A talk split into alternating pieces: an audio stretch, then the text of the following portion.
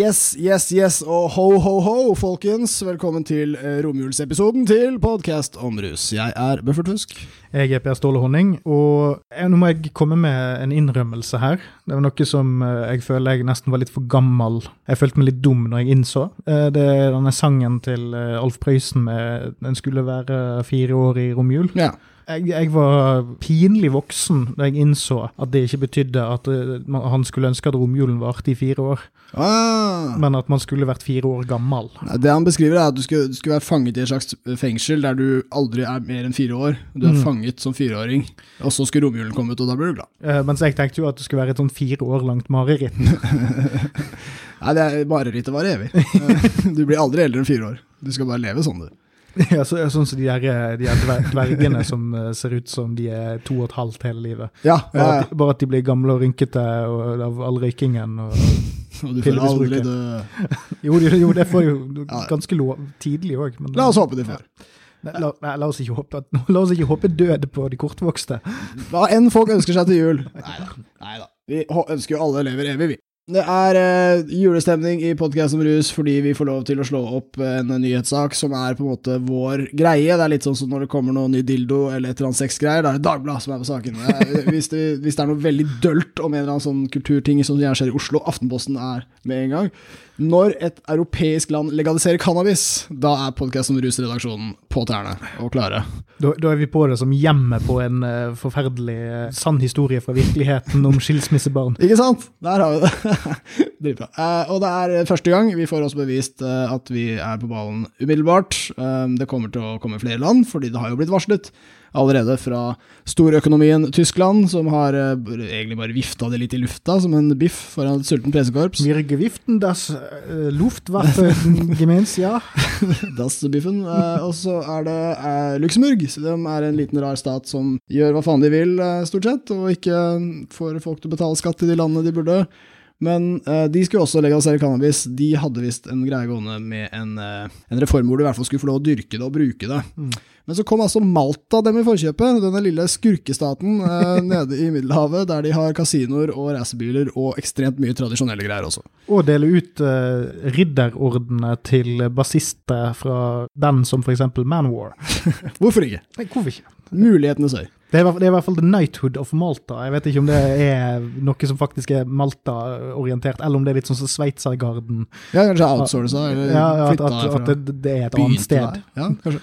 Slovenia eller noe sånt. Et, av- de østeuropeiske landene der de er veldig populære. Malta er så viktig. Vi har en veldig sterk brand. Og eh, De har også en litt sånn artig lov som jeg tenkte å, å kikke litt mer på. Det ser ut til at de går for denne glade modellen med, med mm, cannabisklubber, som Spania tidligere har benyttet seg av. Som er en veldig bra modell for litt sånn low effort eh, statsansatte, holdt på å si. Altså, i, I Spania er det veldig mye byråkrati, har jeg hørt. Jeg vet ikke så mye om det i Malta, men altså, hvis du eh, ønsker å gjøre veldig lite, og liksom samtidig bli kvitt i hvert fall de synlige cannabisbrukerne i landet ditt, så kan du gjøre dette her. Mm. Stue deg vekk opp i en klubb, der kan de ha medlemskapene sine, der kan de dyrke plantene sine og lukte rart og se rare ut, og så kan de henge med hverandre. Så slipper vi andre. Og så betaler de skatt. Og alt du trenger å gjøre, er å bare gi dem lov. Du trenger ikke gi dem penger eller noe. De, de står klare som lydige bikkjer til å åpne disse klubbene i alle slags rare lokaler, og så lenge de får lov. Så, så dette er det Malta skal gjøre. Eh, der er det, blir det altså lov å ha Det er en artig liten lov hvor du har Ok, så du, Hvis du har under 7 gram cannabis på deg, så får du null i bot. Eh, hvis du har mellom 7 og 28 gram cannabis på deg, så får du 100 euro i bot. Som, som sikkert bare gjør at du går i Opptil, ja. Mm. Ja, men da, da går du vel kanskje i null på videresalget, da? Ja, ja, det er sikkert noe sånt de har regna fra, tror jeg. Vet ikke hva det koster for noe. Ja, de, de, de kommer sikkert til å inndra det du blir tatt med. Ja, det, og så må du betale et lite tillegg. uh, og så er det det at du, hvis du røyker offentlig, så får du 235 euro i bot, men hvis du røyker foran noen som er yngre enn 18, Mm. det kan bli morsomt, den legggreia der, da får du opp til 500 euro i bot. Det er jo fint at, eh, at eh, hasjbrukerne får sin egen versjon av homopropagandaforbudet til Russland. Ja. Der er det jo også sånn at de har, de har jo forbudt basically det å være homofil offentlig fordi at det er homopropaganda. Det kan påvirke de unge negativt. Ja, ja. Må passe på hvordan du kaster håret bakover, eller, eh, eller krummer håndleddene, eller at Det er mye som eh, ikke er lov. Det jeg på en måte syns litt kreativt med den loven, er at den på en måte hen, liksom spiller på antydningene og fordommene til eh, homofobe, som bare gjør at man, Ja, man ser for seg at nei, de driver jo og banger hverandre foran ungene. Ja. Det, er jo- det er jo det vi skal stoppe. Ja, For det er jo det homofile driver med. ja, ja, det, det, det begynner med sånne små ting, så det er viktig å liksom skjære, kutte ned på de. Ja. Nei, det er helt forferdelig jævla lovverk. Akkurat som du på en måte kunne Kan, kan man løse det sånn? Mm. Ja, Vi får jo se hvordan det går. Det, det går jo ikke så jævlig bra for de som blir rammet av loven, da. Så det er egentlig et ganske seigt prosjekt. Nei, så jeg skal ikke trekke så veldig sterke sammenligninger, for så vidt. Nei, nei, nei, herregud. Det er jo Men- en gladsak. Dette er en gladsak. En gladsak. De har jo denne loven med å røyke foran eh, barn, så får du mer i bot. Jeg tenkte på det var liksom sånn Malta-type barnevern. Vi ville tenkt å involvere noen. De tenker betal mer.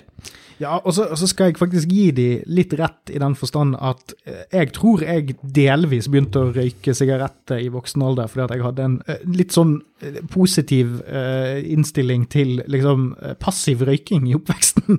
altså sånn at, at sånn lett sigarettrøyk i en stue ikke var noe som på en måte bydde meg imot i det hele tatt. Ja. Så det var jo en normalisering der. Det det Origin. Stories. Podkast om rus. Origin Stories. Min, min første kjærlighet Syns det lukter godt, jeg, faktisk. Jeg husker jeg var litt sånn med bensin. jeg. Fadderen bare Nei, nei, det er ikke bra. Det er ikke, du skal ikke like det.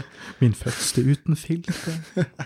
Ja, helt ærlig, eh, bare for å spore over på det. Jeg begynte å røyke sigg fordi det å blåse skyer så så jævlig fett ut. Jeg, jeg så de voksne blåste skyer og bare Se der, liksom. Jeg tror det var en, en god kombo av, av hjemmemiljøet og Hollywood-produksjoner. Ja. Al- Alltid veldig fett med sånn sigarettrøyk og lyskastere og Det skyggebruk. Og. Vi, vi var ikke eh, så gamle når Hollywood begynte å skjerpe seg på de greiene. var det ikke? Altså, De hadde Joe Camel, tegneseriefigur, for å selge sigg. Supermann 2, som var yndlingsfilmen min da jeg vokste opp, der er det massiv eh, Marlboro-produktplassering. Supermann blir pælmet beint gjennom en Marlboro-truck. Fantastisk.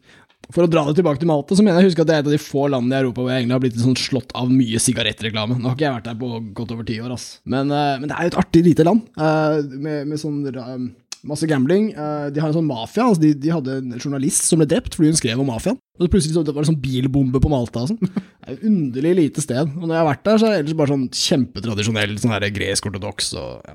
Ja, Eller hva det nå er. Hvor akkurat er det de ligger? Eh, det er i Middelhavet. En frittstående øy, skal vi se. En frittstående lille jævel. Det er altså Det ligger sør for uh, Sicilia. Midt ute i. Middelhavet, mellom Italia og Nord-Afrika, der det kjører så mange populære båter, vet du. Ja. Som alle vil være med på. Jeg, jeg, jeg tenkte at de var nærmere Hellas, faktisk. Men, Skulle også eh, tro det. Tippa de var litt det, det er sikkert fordi de er så skurkete der.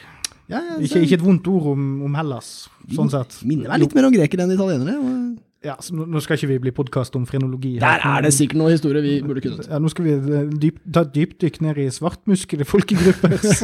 Podcast om hvorfor Malta har skjønt mer om Norge i ruspolitikken, i hvert fall. ja.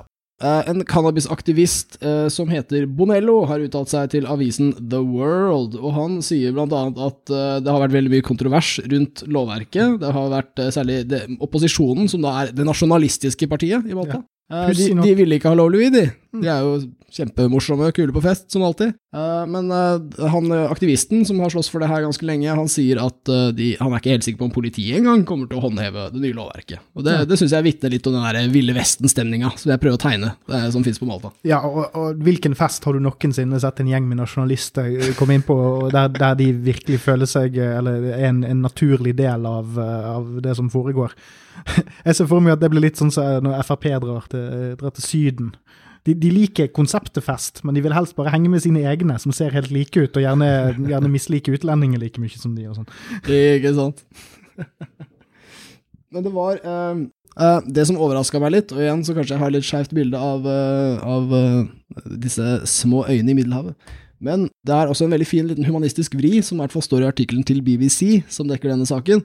Der står det There is also support for minors who are found with cannabis. They will be recommended a care plan or treatment as opposed to facing arrest or criminal charges. Ja, Og da er det barn og ikke gruvearbeidere. Uh, ja, det står minors. Ja, Men det er- Med O og ikke E. Det er disse under 18 som det ikke er lov å røyke foran. Eh, Det hadde vært så veldig bra om de hadde fått inn liksom en sånn trykkleif i, lovverket. sånn at det kun er gruvearbeidere dette hå- håndheves mot. For de snakker selvfølgelig engelsk. Nede i Malta-gruvene. Der de utvinner, utvinner chips til uh, kasinoene. Hvis, hvis du røyker med en som er under 18, det er ikke bra. Men får du fortsatt mer bot? Altså sånn, Hvis den også røyker? Du har ikke vært en dårlig influens på ja. Det, Dette får retten ta stilling til. nei, det, det må jo Det blir litt sånn her eh, sånn som de røykesjimpansene i gamle I gamle dager.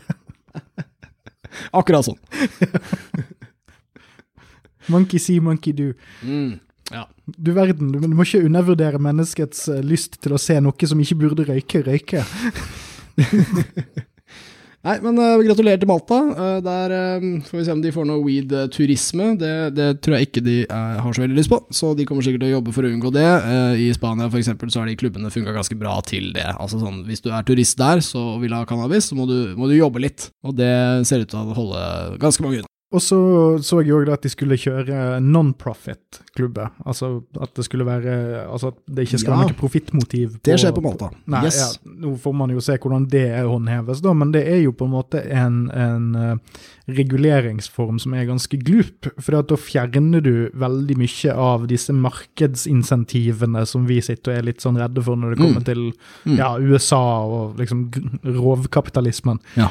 At hvis du f.eks. legger en eller annen slags begrensning på, på, på en måte profittmarginene her, da. La oss f.eks. prøve å eh, Skulle vi gjort noe lignende i Norge, så burde vi kanskje prøve å håndheve det litt strengere enn private barnehager, f.eks. Og private helseforetak. Eh, At du ikke har lov til å kjøpe tjenester fra din egen leverandør og ta veldig mye Mm. penger for det. Litt sånne ting. Ja, sånne ting. Lage asylmottak og bli dritrik på det og sånn. Ja, Selge innvandrere. Det er lov! Nei, men det er, jeg er helt enig. Eh, Den non-profit-modellen er jo kjempebra, og sikrer jo at eh, penger kan gå til en god sak. Mm. Eh, For det vet vi allerede om dette markedet, at det er jo stort. Eh, Og selv om du bare gjør en liten bit av det om til hvitt marked, så er det fortsatt snakk om store penger. Så non-profit-modellen er veldig bra. Fristende. Noe for Norge, men her er vi altfor glad i å fylle opp velferdssekken. Så det, det får vi nå se på. Jeg, jeg, tror, jeg tror kanskje vi kan få dette her dersom vi på en måte bare avvikler velferdsstaten. Da får vi kanskje nok på en måte godvilje fra de rette kreftene til å klare å få Da vil det gjennomført. pengene gå til lokale food banks eh, i ditt område. I stedet for Nav har vi nå sånne bokser hvor du henter mat. Du vet gamle Olga som er uføretrygdet. Smoke up for hun. Hun får grasrotandelen for uh, din, din coffeeshop Det denne uken. i hvert fall en sirkulær økonomi hvor det hadde gått rundt, da. ja. For de slutter jo faen ikke å røyke, i hvert fall. Ta et bongtrekk for, uh, for gatebarna. Slutter ikke å røyke, slutter ikke å ete. Dette går rundt. Nei, gratulerer Malta. Det er bare å hoppe på flyet og spinne ruletten.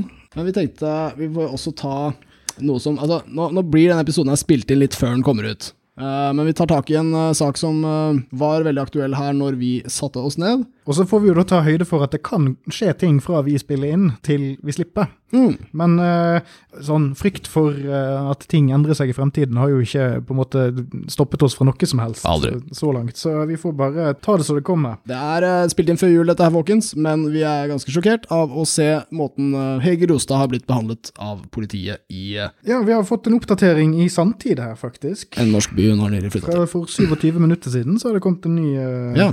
Sak her. Men vi kan kanskje ta den, uh, ta den helt til slutt, da. Nå har ikke jeg lest tweeten engang. Så vi kan gå gjennom saken, og så kan vi gå tilbake igjen til denne her, og så får vi en sånn, sånn samtidsfil. Det er vibes. Ja, eller samtidig altså, at, at dere, kjære lyttere, kan, kan liksom høre oss bygge resonnement, og så kan vi se om virkeligheten blir uh, Skuffer oss, eller, Mm. Eller overraske oss. Bli med på reisen. med på Kanskje vi får et julemirakel på slutten. Å, det er, vi, må, vi må reise av gårde, følge stjernen. Skal vi ta litt kontekst for de av dere som ikke vet hvem Hege Grostad er? Hun, For 10-12 år siden ish, Mm. så ble hun profilert for å være liksom den første veldig offentlig kjente sexarbeideren i Norge. Ja, var med på trygdekontoret og litt forskjellig. Ja, hun begynte med å skrive som Frøken X eller et eller annet sånt, Mm. uttale seg eh, gjennom ulike medier som det, og så sto hun fram med fullt navn. Eh, Og da studerte hun, og det var liksom, hun var veldig på at dette var et valg, og det var for å spe på studieinntektene og bla, bla, bla. Mm. Og så har hun òg eh, seinere ikke snakket så jævlig mye om det. Jeg kan ikke huske egentlig, ganske god stund siden jeg har hørt noe om sånn sexarbeidsting fra hun. Ja.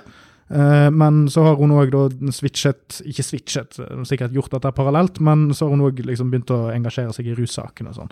Mm. Hun har stilt opp i masse intervjuer som eh, liksom eh, Ja, en, en talskvinne for legalisering og liksom positive effekter av, av å benytte seg av bl.a. psykedelika. Det er det hun egentlig har snakket mest om, er type sånn MDMA og Ja, fleinsopp. fleinsopp og syre, Ja. hovedsakelig. Og så har hun vært i media for det.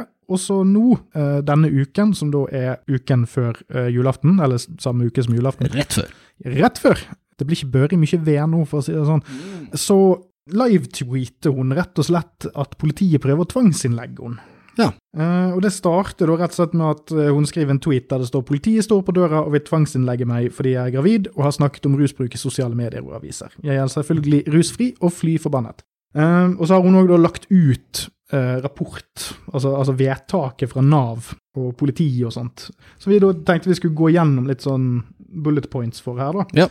Det er da at Nav Falkenborg i Trondheim har blitt informert av Hege Grostad om at hun er gravid i forbindelse med en søknad om sosialhjelp. Eh, Nav-kontoret sender deretter en bekymringsmelding som blir mottatt 8.12. Eh, til Helse- og velferdskontor. Ved telefonkontakt bekrefter Hege graviditeten til Helse- og velferdskontoret Falkenborg i Trondheim kommune. Så da har hun basically bare sagt hei, jeg kommer til å trenge litt støtte her og sånn. Ja. Helse- og velferdskontoret informerer om at hun ikke har vært i kontakt med fastlege eller annet helsepersonell i Trondheim kommune som kan bekrefte en graviditet og oppfølging. Og Her kommer jo da det som er saftig her. Helse- og velferdskontoret har informert at Hege har i mange år vært profilert i aviser og sosiale medier om legalisering av rusmidler og prostitusjon. Hmm. Heges mor har sendt to eh, bekymringsmeldinger tidligere, i 2016 og 2021, med bekymring for rusbruk og bedt om vurdering av tvangstiltak. og da undersøkte eh, de om eh, at eh, bruken hennes, og viste til at de fant bekreftelse for cannabis, fleinsopp og syre. De skriver syre òg. De Ja, de skriver det. Det er veldig dårlig skrevet, dette. Det, liksom, det, det virker nesten som om disse folkene har, skrevet det sånn i hui og hast for å Ja, altså at det har sittet noen og bare hamret løs på tastaturet. Skrev det i politibilen mens den kjørte som faen. Ja, Men det som er interessant her, er jo at disse bekymringsmeldingene ble undersøkt og avsluttet uten tiltak. Ja. Men etter 8.12. så har de prøvd å Så har de eh, i to anledninger tilbudt frivillig oppfølging til Hege Grostad, men hun har ikke møtt til avtale. Det er jo da frivillig, det er jo litt interessant at dette da blir brukt mot henne. Ja, enig. I lys av de to tidligere bekymringsmeldingene og bruken av rusmidler, Heges opplysning om graviditet, fastlegens manglende kontakt med fastlege, det skriver Leif, under graviditet, fant Helse- og velferdskontoret grunn til bekymring. De fattet vedtak for å, Nå skipper jeg litt her, men for å avklare graviditet. Eh, der fattet det vedtak med informert til Heges advokat. Eh, og uansett, det som er interessant her, er at i denne perioden så har jo da Hege Grostad flyttet til Eidsvoll Ja. 12.12 Der har og registrert folk, i folkeregisteret den 14.12. Mm. Og så Eidsvoll kommune mottok muntlig informasjon og bekymringsmelding ved kommunens inntaksteam 15.12.21 fra saksbehandler dytte, dytte, dy, ved Helse- og velferdskontoret i Trondheim. Kommunen vedtok, eh, mottok bekymringsmelding skriftlig 16.12. Og da, her, kommer dette saftige greiene. Kommunen har innhentet informasjon fra jordmortjenesten i Eidsvoll kommune som opplyser at hun ikke har mottatt tjenester fra dem. Ja, det er jo ikke så veldig rart, siden hun har bodd der i to dager. Ja, ja. Vi har også mottatt opplysninger fra Eidsvoll politistasjonsdistrikt, som beskriver bekymringsfull rusbruk ut fra sosiale medier fra 2014 til i dag. Som de baserer på tekst. Ja.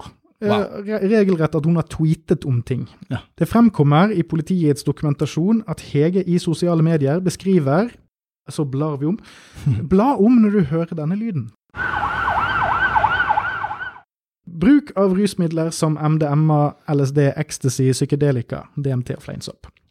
Og Da har det da rett og slett blitt fattet et vedtak. Eidsvoll kommune fatter følgende.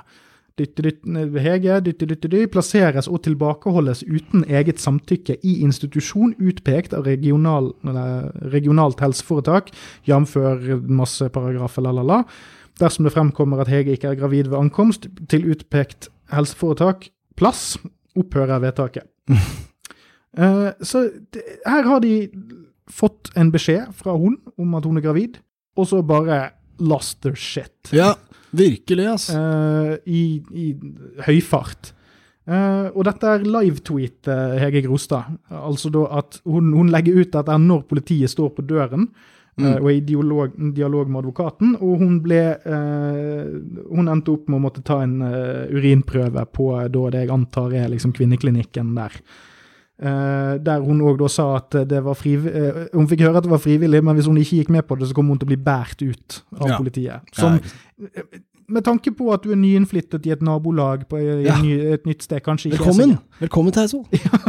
Velkommen til Eidsvoll, rett inn i eh, svarte Maria med deg. Altså. Ja, det, eh, det er litt av en måte å behandle en, en gravid person Jeg syns det er underlig på, på så mange vis, eh, men på et eller annet vis forfriskende og også ganske hårreisende at de skriver svart på hvitt at dette er eh, basert på at hun har skrevet ting på sosiale medier. Eh, selv om jeg vet at Hege er veldig modig og, og direkte og putter seg selv der ute som person, og det har ekstremt stor verdi for, for de sakene jeg bryr meg om personlig. Eh, så, så er ikke hun veldig provoserende når det kommer til å skrive 'jeg tar det og det', 'i kveld tok jeg ditt og datt'. Det er ikke sånn det foregår. Jeg, har bare behov for å si det. Dette er ikke dagboken til en tung bruker.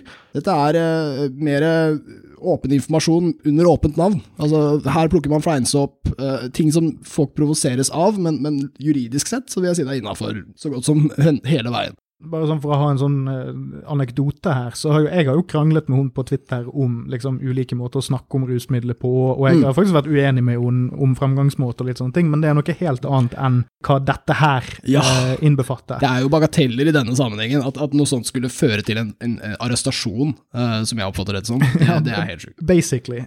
Og det jeg òg syns er interessant, er at de bruker bekymringsmeldinger som de har avsluttet. Ja, ja. Eh? De, har, de har to bekymringsmeldinger fra en mor, som jeg da òg har sett ut ifra Twitter at eh, har hatt issues med Hege en stund. og det, Jeg kan forstå det ut ifra en sånn eh, konservativ mor ser sin datter gjøre ting hun ikke liker offentlig, eh, type ting, så har ikke jeg så store problemer med å se at dette her er en veldig eh, ikke, ikke bra, men jeg kan, jeg kan skjønne at, eller jeg kan se for meg en forklaring på den konflikten som ikke handler om at Hege Grostad har et problem. Mm, ja. Det, hun kan ha et problem med sin mor. altså. Ja. Det kan Og- ikke veie tungt for, jeg- for oss fra utsiden. Og her virker det jo som om at de bruker to henlagte saker, eller avsluttede saker, Mm. for å da eh, rettferdiggjøre et overilt tiltak. Mm. Uh, og det- er forresten en dame jeg har lyst til å sitere, som òg blandet seg litt inn i disse um, repliesene under denne saken her mens den pågikk. Mm. Og Det er da Tilde Broch Østborg. Uh, hun er overlege på Kvinneklinikken, SUS. Uh, ph.d.-kandidat eh, Universitetet i Bergen, så det regner med at hun da jobber på Kvinneklinikken i Bergen. Ja. Hun kommer med saksomlysninger. Hun har da tre punkter. Punkt én, all svangerskapsomsorg er frivillig. Mm. Punkt to, andre aktører enn fastlegen kan ivareta disse kontrollene. Og tre, slike kontroller er ikke meldepliktig til Nav. Nei. Så det eneste som er elementet i spill her, er Nav sin oppfatning av hun som person, basert på hva de observerer hun gjøre. Mm, mm, Og det de har observert hun gjøre, er at hun har vært en aktivist Mm. i media. Og så har politiet på Eidsvoll sjekket Twitter-feeden hennes og sagt at ja, dette her er ikke forenlig med å være mor. Ja, de er bekymra. Ja. Bare akkurat som de satt klare med, med den kunnskapen om, om bekymring. Jeg- Har hun flytta hit? Vi er bekymra. Så får, får, vi, får vi enda en narkoman til Eidsvoll? Ja, ja, noe sånt, ass. Det, det virker som en velkomstkomité, dette. Ja, og jeg har jo veldig lyst til å tro at det er fordi at eh, alle politidistrikt har en sånn felles mappe med aktivistoversikt og alt mulig sånt. Det er jo noen som har spekulert litt i at det er det som har skjedd. Jeg, vil, jeg tror heller at det er skumlesing av Twitter-feed som er hovedsynderen. Det er nok sikkert noe sånt, ja. Men som igjen ikke nødvendigvis gir Altså, jeg ville heller ha foretrukket at de hadde en mappe, for da hadde det jo vært litt mer etterrettelig. Da kunne man jo faktisk fått søkt om innsyn om hva slags type mm. opplysninger som ble samlet på en, og litt sånne ting. Ja. Og det ville òg vært mer redelig i den forstand at du, da kan du la informasjonen synke litt før du gjør overilte ting. Mm. Eh, Men hun endte opp på en eh, kvinneklinikk som hun visstnok hadde tatt kontakt med samme morgen for å få i stand Ja. eh, sånn jordmortjeneste eller whatever. Og så har hun også kommet med en tilleggsopplysning litt etterpå, er at eh, noen av grunnene er da at ja, hun er fem-seks uker på vei, Ja. så, og det er, man er ofte ikke klar over at man er gravid før omtrent tidligst hun har sagt ifra om det. Mm. Mange veit jo ikke det. Nei, så her blir hun jo egentlig da òg straffet for å være tidlig ute. Ja, for å ha mer oversikt enn mange har. Og, og dette er jo òg synd, for vanligvis pleier jo det, det her er jo ekstra kjipt for hun egentlig. For det som òg er litt vanlig med graviditet, er jo at man holder litt tett om det i to-tre måneder, fordi at det er spontanabortproblematikk og litt sånne ting som kan være litt tungt å stå i. Mm. Eh, Så, så her er det jo et tilfelle av, av en, en drastisk forverring av på en måte hennes eh, svangerskap, eh, både, både fysisk og psykisk og uh, sosialt. mm -hmm. med, med at ja, vi sitter her og snakker om det, og det er 300 000 impressions på Twitter og sånt. Ja. Og, og ikke minst liksom stresset og, og med å liksom bli tvangshentet ut av egen bolig. Hun beskriver at, at huseier gir nøkkelen til politiet mens de snakker.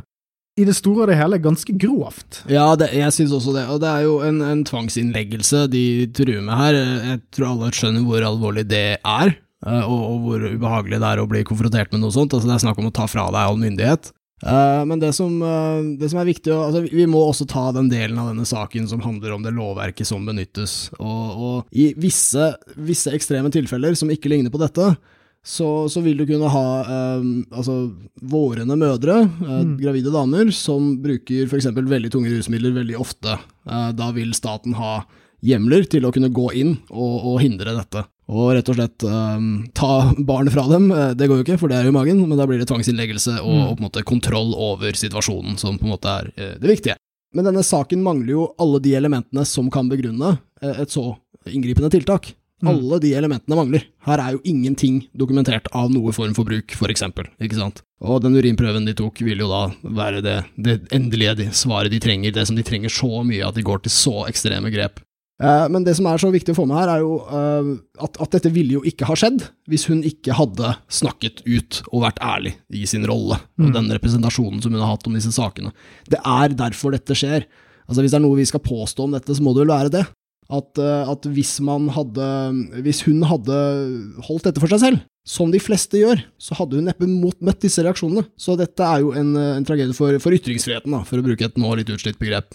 Det er, eh, Man skal bare ikke få lov å snakke offentlig og være åpen om sånt.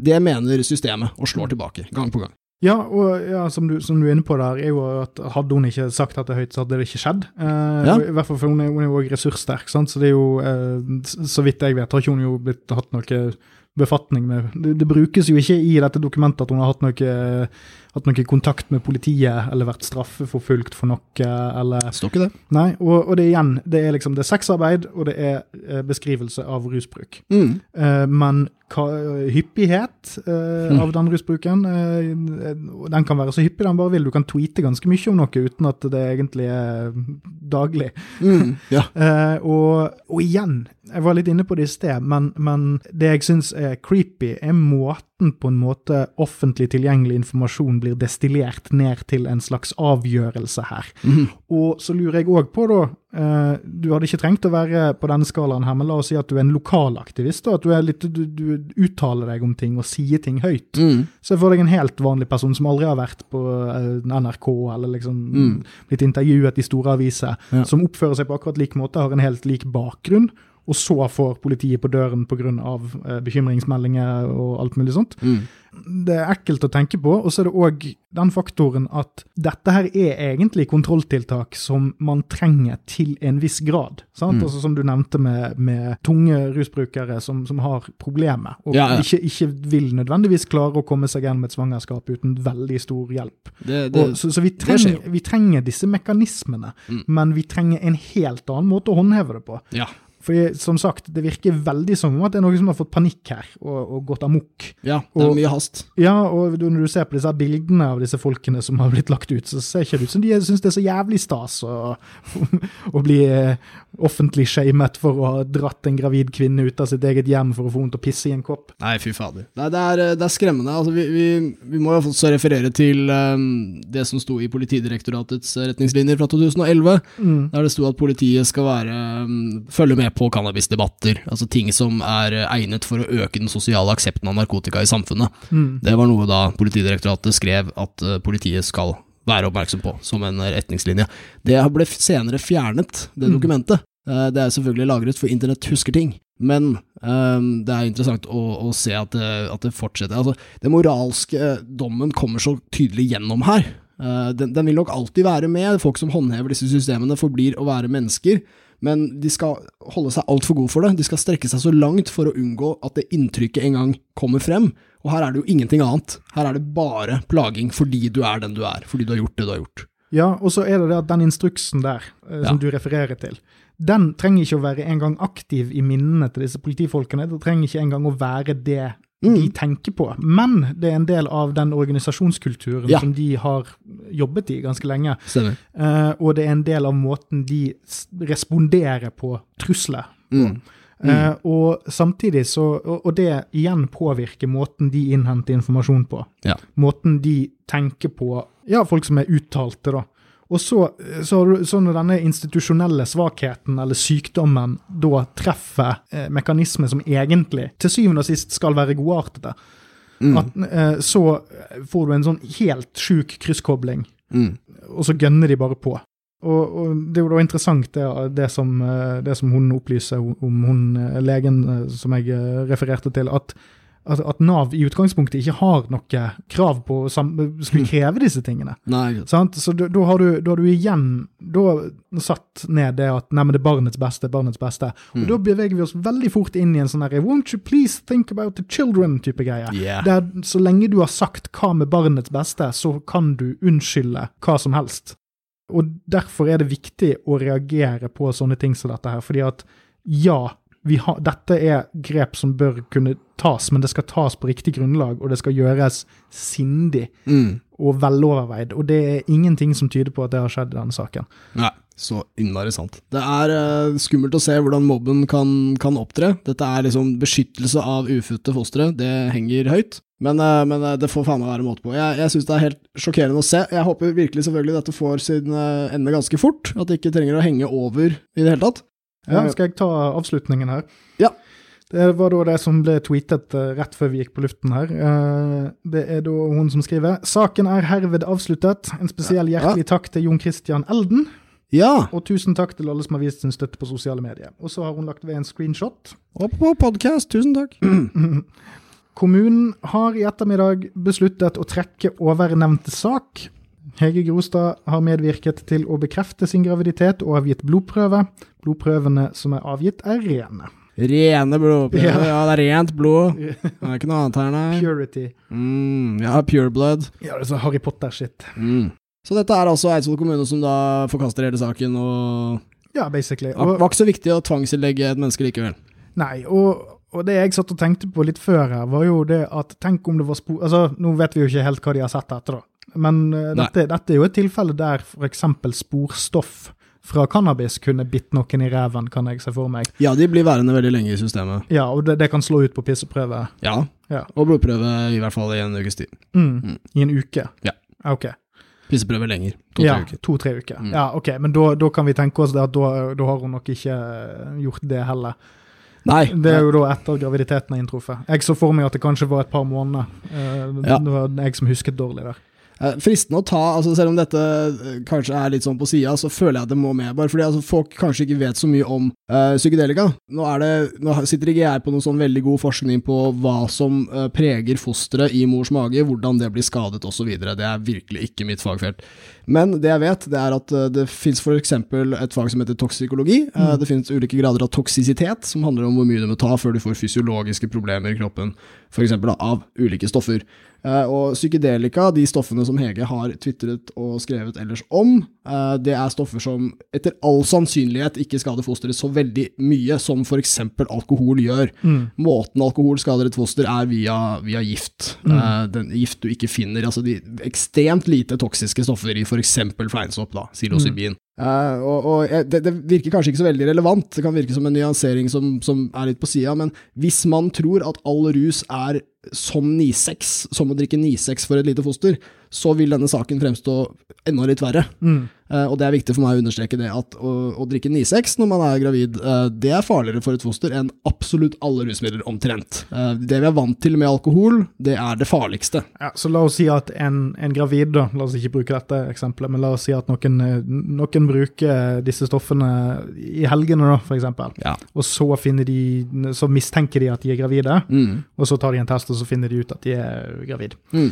Så ville det å ha vært på flatfylla den helgen Ja. vært verre for det nydannede fosteret enn hvis du sleiver til og tar f.eks. DMT før du vet at du er gravid. Etter all sannsynlighet, ja. Og, og heldigvis så har nok de aller fleste av oss hatt eh, mødre som eh, Heldigvis. Eh, det som er heldigvis, er at selv om de fleste av oss trolig har hatt mødre som har drukket litt før de fant ut at de var gravide med oss, f.eks., kanskje de drakk masse, kanskje de gjorde andre syndige ting også, Røykte, for Uh, ja, og skrev om det på internett. Men, men, men så Nei, nei, de skrev det, vår, vår foreldregenerasjon de måtte sende telegram. Ja, og da rakk ikke politiet å raide dem fort nok. Men, men, altså, da, men, men likevel så kom vi stort sett eh, friske og fine ut alle mann. Og så er det ikke, er det ikke min jobb å, å gjøre narr av på en måte, eller, eller latterliggjøre at enkelte fødes med problemer og vanskapninger fra alkohol f.eks. Men, men vi har en tendens til å overdrive litt også rundt disse tingene. At å, det, er, det er krise med en eneste gang. Uh, heldigvis så går det ofte bra. Uh, og i denne saken her så er det absolutt ingenting som tilsier at, at noe skulle være til fare for dette fosteret, heldigvis. Det har i hvert fall ikke noen klart å forklare for oss. Nei, sant, så det, og nå, nå blir liksom den kaviaten her da bare Ingen burde gjøre dette uansett, punktum. Eh, yep. Men i, i et sånt tilfelle så så snakker vi da om egentlig bare før du vet at du er gravid. Ja, Og, og, og da ville, Du kan ikke si at det engang er i nærheten av det, I alvorsgrad. Du ville ikke dratt inn noen som har vært på flatfylla før de finner ut at de er gravid. Nei. uh, og du ville, som de veldig mange har blitt unnfanget i fylla. Um, så, så på den måten, altså det, på denne udokumenterte graviditetsfronten, så er det òg da Mm, mindre, ja. Og selv, om, ja. og selv om vi har en sterk og myndig velferdsstat, så burde ikke kvinner miste absolutt alle personlige rettigheter det øyeblikket de blir gravide. Og eh, i hvert fall ikke eh, i, satt i sammenheng med hvem de er og hvor modige de er, som i dette tilfellet. Ja, og jeg vil jo oppfordre både Nav og politiet til å kanskje sånn, kanskje gå og banke på og snakke litt med vedkommende hvis du er bekymret. Ikke liksom, Ja. kanskje komme i sivilt, ikke troppe opp med politibil og ambulanse. Og, altså, bare prøve å deeskalere bitte, bitte, bitte lite grann. Ta en telefon, vær et menneske, ikke vær så sinna. Ja. Mulig, mulig det hjelper litt. Hvis det, er, hvis det er noe du lurer på, da. Ja. Ikke sant? Sånn som her, de lurte jo veldig. De stressa jo ræva av seg. Faen som de lurte. Det er ikke så mye dialog som kunne avverga mye av, det, av det skaden som, som kom fra dette. Men igjen, uh, dette, det er en sak som har blitt et eksempel, uh, et kort og godt et, heldigvis ble det avslutta, men eh, på at de, de følger med på oss. Vi kan dessverre, altså, når jeg sier vi, så mener jeg aktivister. Vi burde egentlig ikke si så veldig mye høyt under fullt navn, for vi kan møte rettslige konsekvenser, eller i hvert fall retten og retten. Eh, politiet kan komme. Og eh, folk som eh, bruker cannabis, f.eks., kanskje de gjør det en sjelden gang. De, de, per i dag så kan de ikke si sannheten. Altså Det, det Grostad har gjort, er å si sannheten. Eh, ikke for mye av den heller, vil jeg legge til. Men, men dette er en sak som bygger opp under at de som ikke forteller sannheten, i frykt for å møte systemet vi har i Norge, de har stort sett rett i sin strategi. De gjør klokt i å leve i skjul. Og dette er jævlig, jævlig trist. Vi har egentlig et fellesskap som kunne inkludert folk. Og vi betaler skatt. Eh, Vi som er aktivister, de som bruker rusmidler, de betaler skatt, og de, de lever altså med å betale til en stat som ikke tror på dem, og som jakter dem til den grad at de må lyve. Ikke kult! Skjæra til Hege. Nei, men da får vi bare ønske at dere ikke er fire år eller forblir fire år i romjulen. ikke gjør det, bli eldre. La oss håpe at dere aldri og, og Hva er egentlig strafferammen for å spille ruspodkaster for fireåringer? det, på, I Malta det er 50 000 euro. Rett ned i, eh, i kasinochipsgruvene med deg. Men det er, men det er non-profit, så det går til det lokale kasino. Samfunnsstraff med å være, være dishwasher på kasinoet. Ja, for på- kasino er også rådhuset. Så det er liksom det, det er så uoversiktlig på mandag. Istedenfor en sånn, her, eh, sånn rådhusklokke, så er det en sånn ruletthjul. Faen, jeg elsker Malta. Vi må dra dit. Det blir Malta spesial. Live fra øya. Yes, god jul og godt nyttår. God jul, og ha et nydelig år som kommer. Forhåpentligvis bedre enn de som har vært. Dere veit hva jeg mener. Peace! Ha det.